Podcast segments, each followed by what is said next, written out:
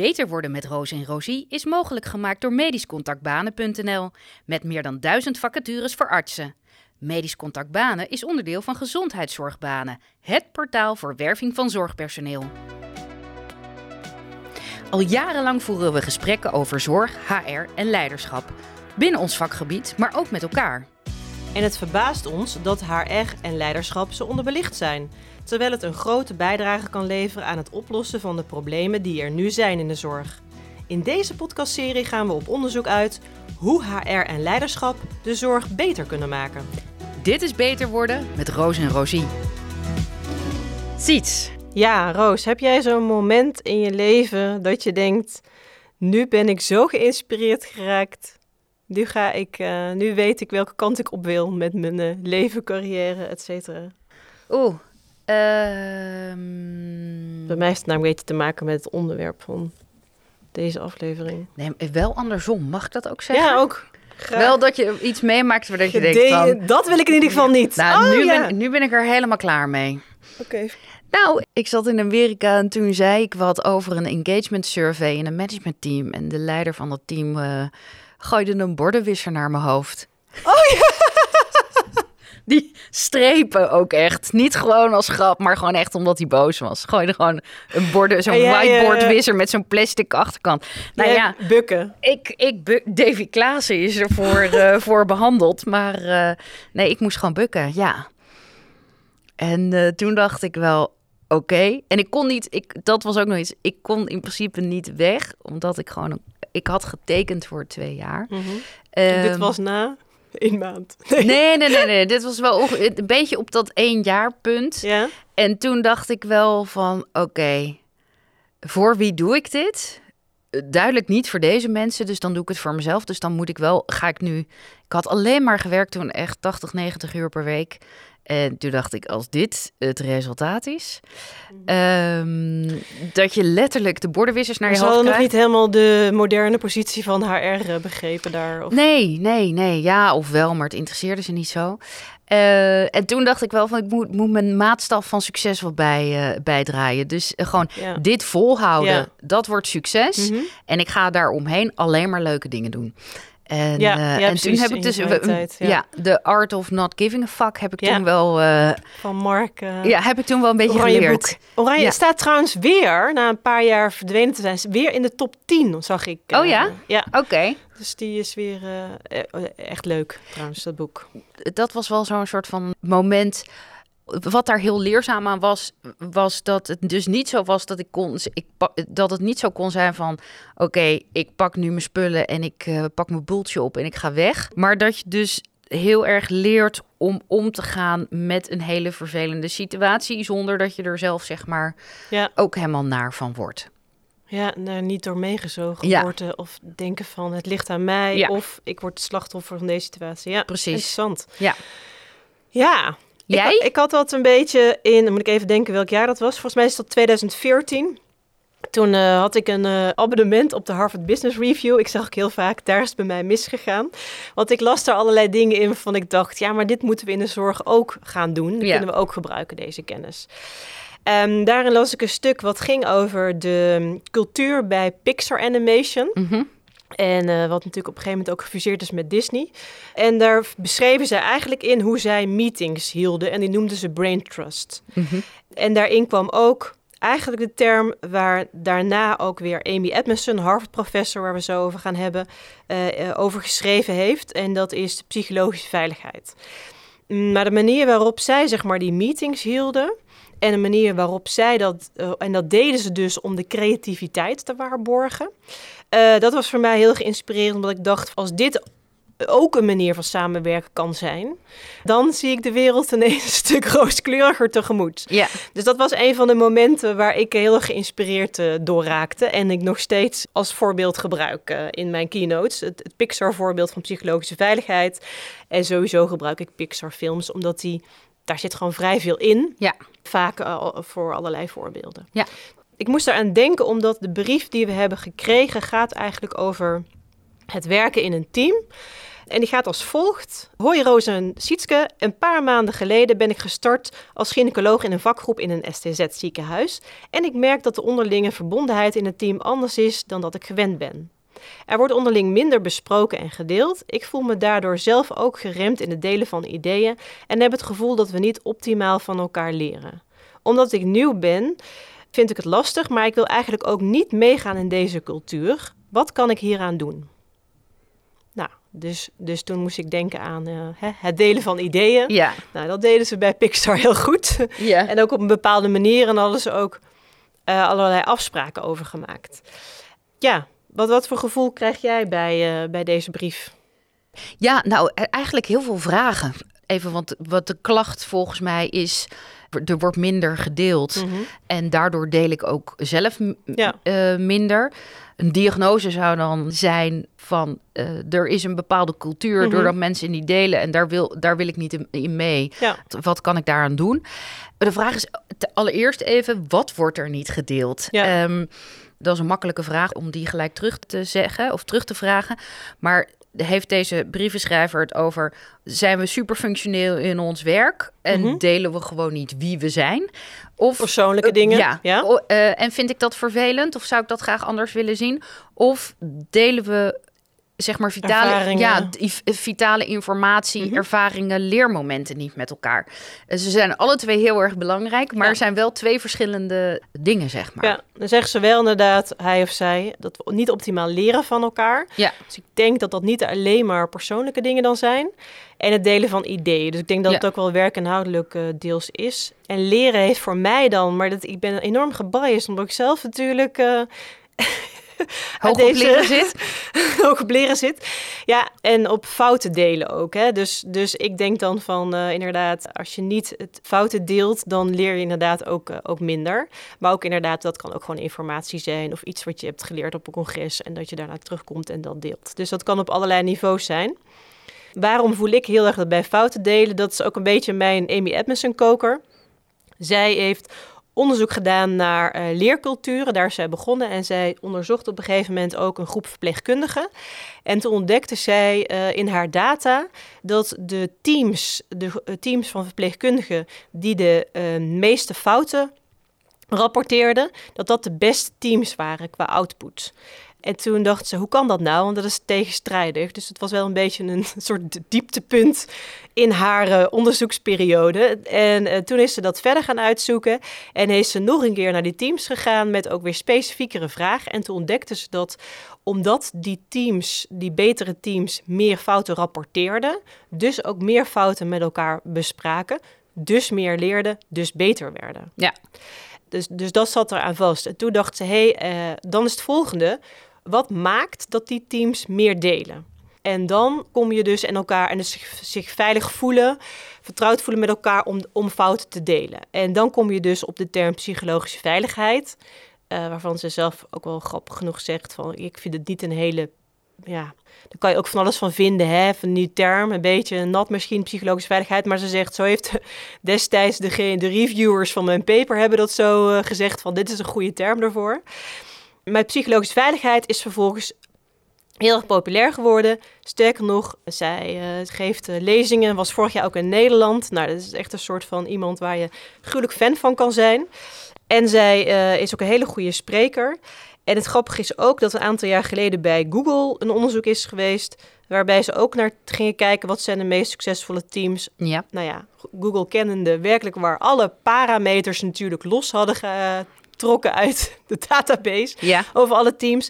En toen bleek eigenlijk de factor psychologische veiligheid binnen teams het meest bepalend te zijn voor het succes. En wat is dan precies de factor psychologische veiligheid? Ja. Ja, psychologische veiligheid heeft te maken met interpersoonlijke relaties in een team. Mm-hmm. Waardoor het ook maakt dat psychologische veiligheid heel erg afhankelijk is van de combinatie in het team en heel lokaal kan zijn. Dus, dus, dus uh, uh, dat meteen gezegd hebbende.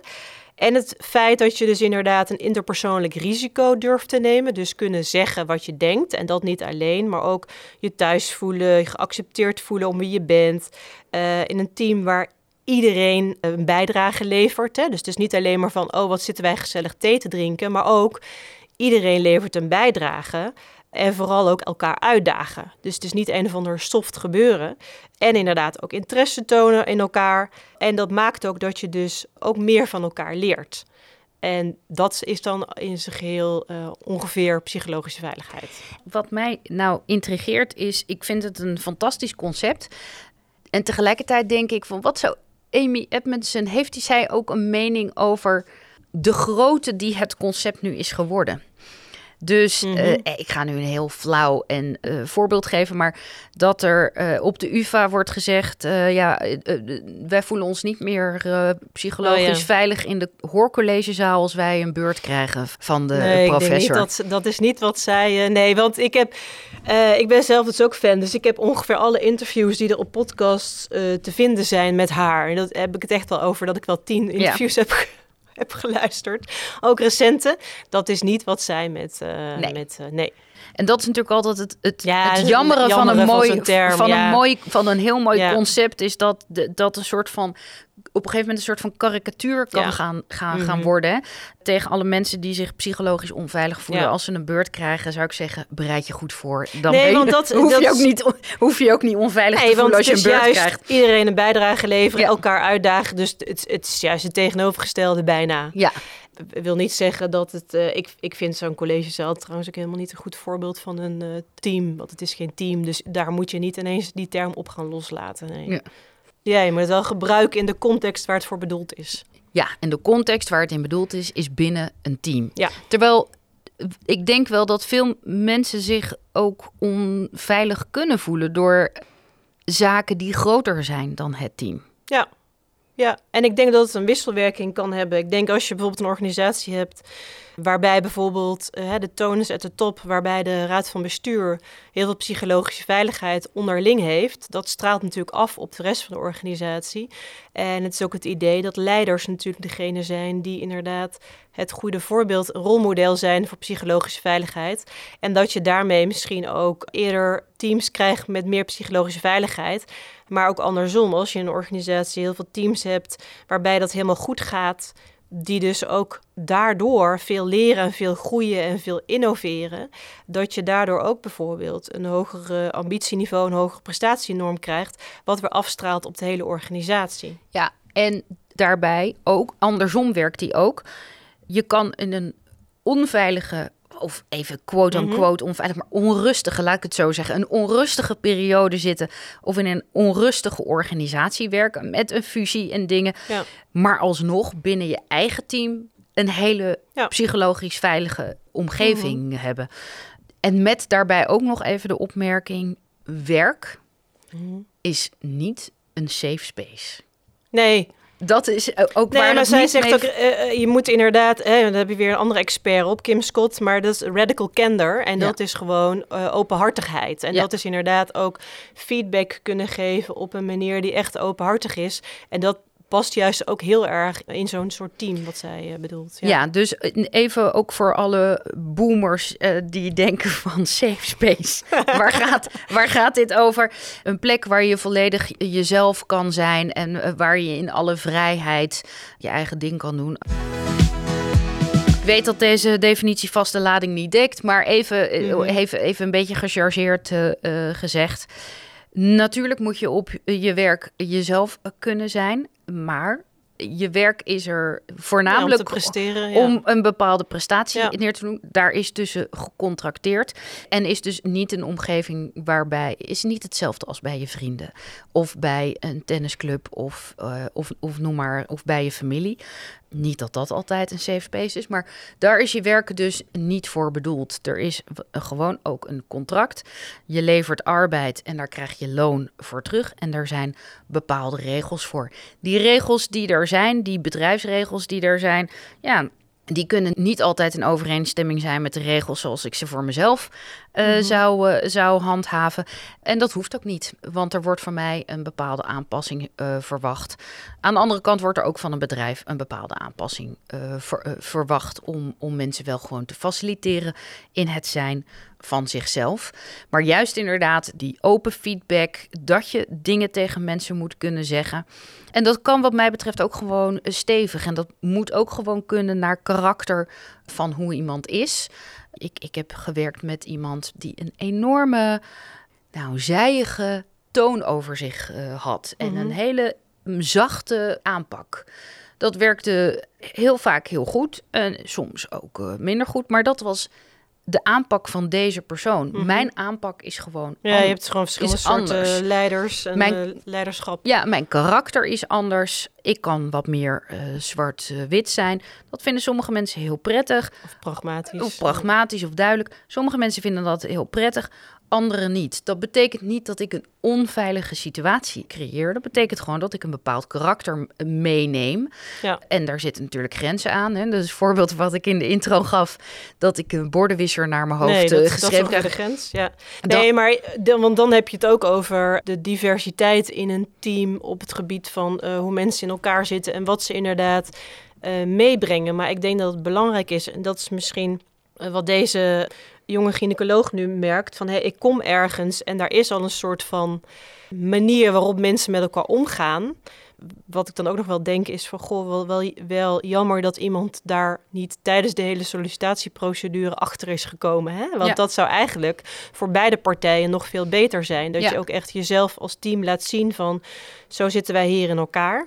Plus dat iemand die nieuw is, heeft ook weer andere behoeftes dan iemand die er al wat langer zit. Maar als, als je in zo'n team komt en je denkt, oei, eh, ik kan hier eigenlijk eh, niet je beperkt voelt, want je kan niet delen wat je, wat je wil of je kan niet de vragen stellen die je wil.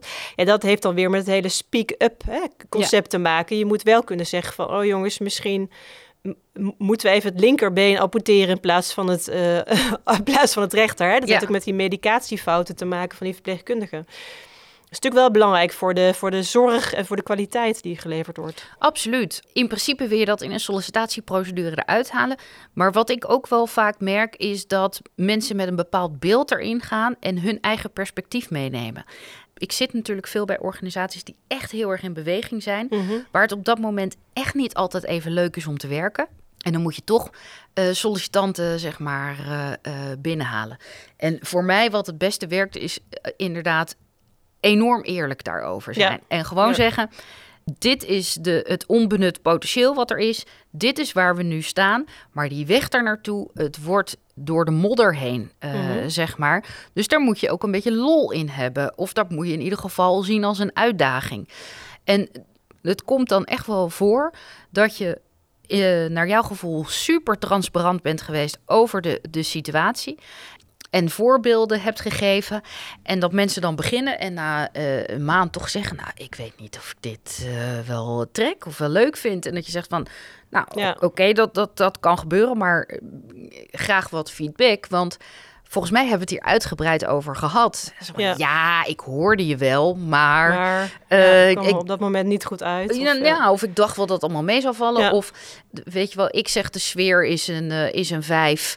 Maar eh, jouw vijf en mijn vijf Ja, verschillen ja, ja. nogal.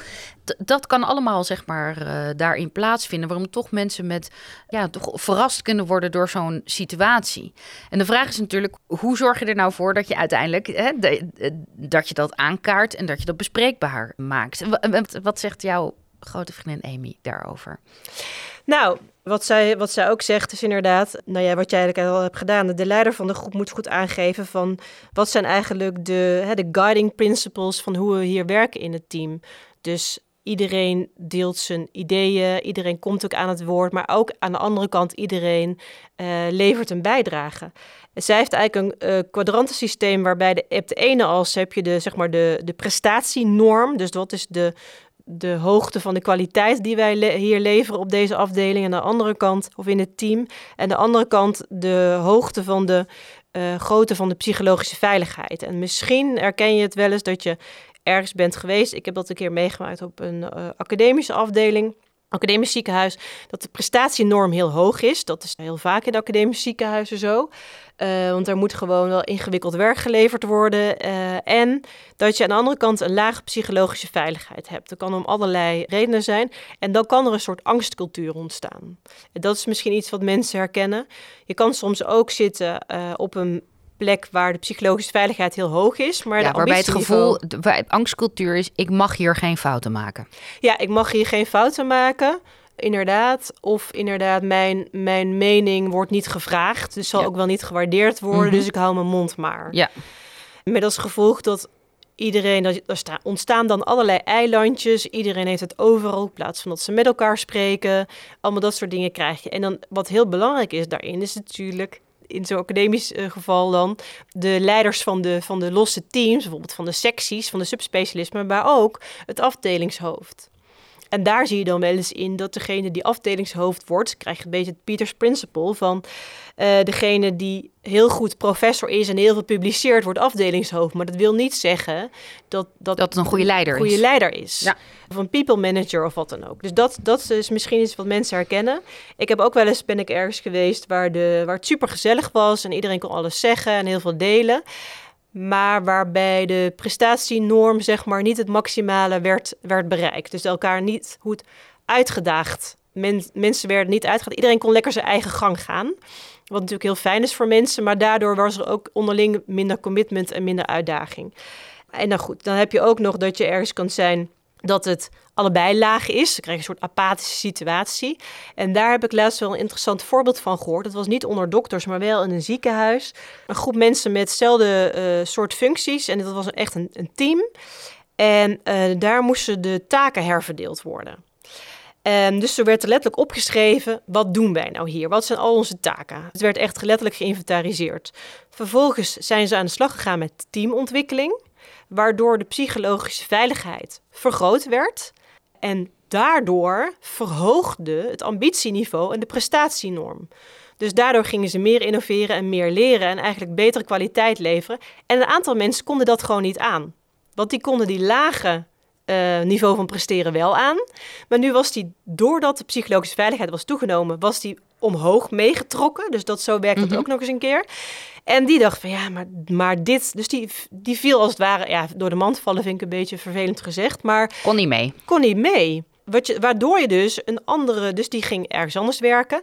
Er gebeurde superveel. Dus dat team heeft heel veel wisselingen meegemaakt. Er ging iemand weg, er kwam weer iemand bij. Maar je merkte wel dat de, het team werd beter. Dus dat is ook iets wat als zichzelf dan uiteindelijk soort van uitselecteert. Dat vond ik wel interessant om mee te maken, Ja. te zien. Het interessant zou zijn of die persoon die voelt dat hij niet meer mee kan, zich dan psychologisch veilig of onveilig eh, voelt. Hè? Want Ja, geconfronteerd ja. worden met je eigen tekortkomingen is lastig voor mensen om te erkennen. Dus Ja. de reden daarvoor zal vaak eh, toch buiten zichzelf worden gezocht. Eh, vaak wordt er dan gezegd van ja, de organisatie is veranderd en dat vind ik niet fijn. In plaats Ja, van ja, ja. ja, nee, de organisatie stelt andere eisen aan jou en jij kan niet mee. Weet je, en, en, en dat gebeurt op, op een gegeven moment gebeurt ons dat allemaal. Hè? ja. Eh, dus dat is ook een soort van logisch gevolg in het leven. We hebben allemaal een bepaald plafond. En de wereld gaat niet veranderen. Eh, in de zin van de wereld gaat altijd veranderen. Dus eh, ja, op een gegeven moment worden we toch altijd met onze eigen grenzen ge- geconfronteerd. En daar moeten we dus mee om, eh, om zien te gaan. ja. De vraag is nu eventjes, wat gaat deze brievenschrijver nu doen? Dus die kan dus eh, eigenlijk aan de hand van jouw verhaal bekijken in welk kwadrant Mhm. zitten we. Maar heel ad hoc is het ook gewoon van, ja, ik, ik, wil, ik heb hier wel wat bij te dragen, maar ik voel niet dat dat kan. En dan is de vraag van, oké, hoe ga je dat gesprek dan starten? Als er leidinggevende luisteren, zou ik altijd aan willen raden om na een maand en na twee maanden en na drie maanden een gesprek te hebben met Mhm. een nieuwe medewerker. Ook omdat het outside-in visie, zoals het zo mooi heet, Mhm. de verse ogen ja. echt veel be- hebben kunnen bijdragen aan de kwaliteit van je, van je team en van het werk. Dus om juist te vragen, Verwonderen en verbeter is een van die ja, eh, waar, projecten geweest. Waar, ja. waar verbaas je je nou over? En die kan twee kanten op. Hè? Van wat, wat zie je hier wat je je oude werkgever had gegund? En wat heb je Ja. bij oude werkgevers meegemaakt wat je onze afdeling gunt? Mhm. En door, de, door hem ook zo te stellen, is hij, is hij heel positief. En daarmee creëer je dus ook al, ook al veiligheid. En als er dus niet iemand is die dat Doet, aan jou ja. vraagt, Ja. ja, stel het dan zelf voor. Ik werk hier Mhm. nu twee maanden. Zullen we een keer een evaluatie gaan houden? Allebei de kanten op. Want ik ben benieuwd naar Mhm. wat er goed gaat en wat ik nog kan leren. Dan maak je hem ook redelijk specifiek. Ik ben benieuwd wat, wat er goed gaat en, wat, ik- en wat, er, wat ik nog kan leren. Ja. En tegelijkertijd kun je zeggen. En ik vind het ook leuk om mijn bevindingen met jou te Ja. delen. En dan, dan schets je al heel duidelijk ja, een kader ogen, van ik kom niet alleen maar halen, ik kom ook iets brengen. Eh, en dan kun je bijvoorbeeld daar ideeën voor, voor Mhm. opbrengen. Maar kun je dus ook zeggen van goh, ik denk dat we gebaat zullen zijn Mhm. als we meer met elkaar delen. Ja. Is er al eens een keer een dagstart overwogen? Amy zegt ook eh, heel erg eh, van ja, benoemen van fouten, het leren van fouten, daar wordt op gefocust. Aan de andere kant ook het leren van successen. Ja. En eh, zijn er kleine innovaties? Wat ging er nou supergoed? Waar zijn we blij mee? En benoem die ook, want het, het vieren en delen van successen is heel goed voor de teamcohesie. En je kan het ook vra- eh, v- vragen van eh, niet, hè, eh, niet over missers hebben. eh, nou ja, wel erover hebben, maar het gaat ook om hoe je dingen framet. Bijvoorbeeld, zij zegt als voorbeeld van... Semantiek is belangrijk. Semantiek is super belangrijk, inderdaad. Eh, oh, wat heb je nu weer gemist? Nou, dat is niet heel gezellig om te horen, maar daar. Zij zegt van ja, eh, je kan er wel vragen aan mensen. Was alles eh, wat je meemaakt tijdens de procedure, als je het over een medische procedure hebt, eh van mij part een operatie, eh, zo veilig als dat je idealiter zou willen voor de patiënt? Dus dan zeg je niet van, dus dan hou, je het wat ruimer, maar dan bied je ook heel veel ruimte voor, voor respons daarop. Dus d- dat kan je doen vanuit, en dat is heel erg vanuit de patiënt en patiënt en kwaliteit en patiëntveiligheid. Daarbij kun je ook een breder stellen. Bev- gewoon, wat waren de, jouw highlights, en eh, highlight en lowlight van, Ja. de, van je dienst? Eh, eh, als de dienst gaat Bij, beginnen, bij een debriefing, Ja, hè? dus je hebt dan een dagstart en een, zeg maar een debriefing aan het eind van de dag. Ja. bij dagstart, waar kijk je naar uit, waar zie je tegenop? Ja. En, en die balans aan te brengen, leer je dus zowel de positieve dingen te, te delen als de negatieve dingen te delen, of waar je dus tegenop ziet. En dan kun je altijd nog kijken van, oh, ik zag vanochtend hier tegenop, Mhm. was het daadwerkelijk zo erg? Was het nog veel erger? Of viel het eigenlijk reuze mee? En op die manier help je ook jezelf in het trainen van je weerbaarheid, Ja, eh, ja. eh, zeg maar. Van, Ja, maar gedurende de dag je gaat er echt anders naar dingen Ja. kijken. Hè? En, en andersom voor de leidinggevende. We zeggen altijd, hè, als er niet gepraat wordt op de wandelgangen, is dat geen goed teken hè, voor Ja. het management. En eh, ge- geen roddels is geen goed nieuws. Maar aan de andere kant is het ook zo, je weet als leider niet wat er niet gezegd wordt. Dus je moet Ja. actief vragen naar... Ja. ehm, En kijk ook, en dat is misschien ook, ook goed eh, in het kader van teamwerk, psychologische veiligheid.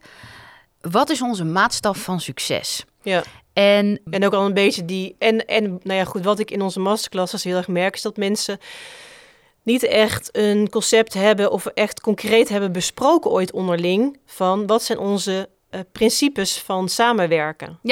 ja, dat is dat contracting. Ja. En eh, dus van wat, wat verwacht ik van jou en wat kan jij van mij ja, eh, verwachten? accountability en ook inderdaad wat is onze prestatienorm en hoe gaan we met elkaar om? Ja, en dan heb je dus inderdaad, wat is onze prestatienorm?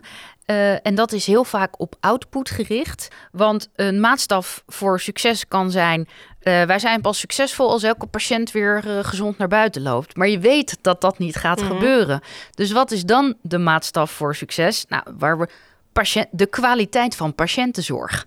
En dat heeft uiteindelijk minder te maken met gaat de patiënt uiteindelijk weer huppelend naar buiten, maar meer met hoe doen we ons werk? Ja. En dan is het resultaat is natuurlijk ook belangrijk, maar minder van belang dan, dan hoe je zorg levert. Je hebt daar ook niet altijd invloed op, want Nee. bijvoorbeeld in het AVL zal het sterftecijfer... Ja, nee, dat is een eh, bekend voorbeeld. Ja, Ja. eh, Ja, onderaan de lijstjes hangen ze. Precies. inderdaad, zo, ja. Dus, dus eh, dan, als je dus ook binnen je team gaat kijken van oké, waar zit hij dan op het proces? En, en melden we alles en delen we alles met elkaar, dan komt het resultaat uiteindelijk vanzelf wel. ja. Het is eigenlijk een essentieel eh, ingrediënt Absoluut. voor werk. Nee, absoluut. Dus het is, het is super belangrijk om dat te doen. En ook eh, als jij net nieuw bent, even naar de, Ja. naar, de, naar de briefschrijver toe. Als je net nieuw bent en je hebt het, het idee dat je niet je mening kan uiten en niet delen, dat is ook essentieel. En dat moet je goed staven met je persoonlijke normen en waarden. En als blijkt dat dat niet te veranderen valt of die cultuur niet is, dan zou ik wel aanraden om bij jezelf na te gaan van, ja, pas ik in die cultuur Mhm. of, of niet? En dan daar ook een beslissing in te nemen. Ja, want zo'n team, ik kan me ook voorstellen dat zo'n team minder flexibel is als er dingen niet goed gaan. Zoals er een keer eh, iets geregeld moet worden omdat er iemand uitvalt. Of omdat als er een keer een calamiteit plaatsvindt, dat je dan ook een minder prettig vangnet hebt. Ja, absoluut. En om even weer dan helemaal te haken naar het begin. Als ik een opmerking maak over engagement, Ja. engagement survey en ik krijg een bordenwisser naar mijn hoofd en iedereen vindt dat normaal, Ja, ben ik dan bereid om me daaraan te voegen ja. of kies ik mijn eigen pad? En ik heb niet de energie eh, in me om die cultuur in mijn eentje te gaan veranderen. Nee. Dan laat ik hem lekker voor wat het is. En dan ga ik gewoon ergens anders naartoe. eh, uiteindelijk waar ik, eh, waar ik wel op mijn plek ben. En die, eh, die keuze heb je als mens en als arts altijd. ja. In een extreme voorbeeld, een vliegtuig Ja. werkt elke keer met een ander team. Eh, Ja. Maar hebben ook elke vlucht de verantwoordelijkheid voor een paar honderd man. Mhm. Ik vloog laatst van eh, Italië naar, naar, terug naar Nederland. En de vlucht had vertraging. Ja. Dus er wa- was een familie ingecheckt.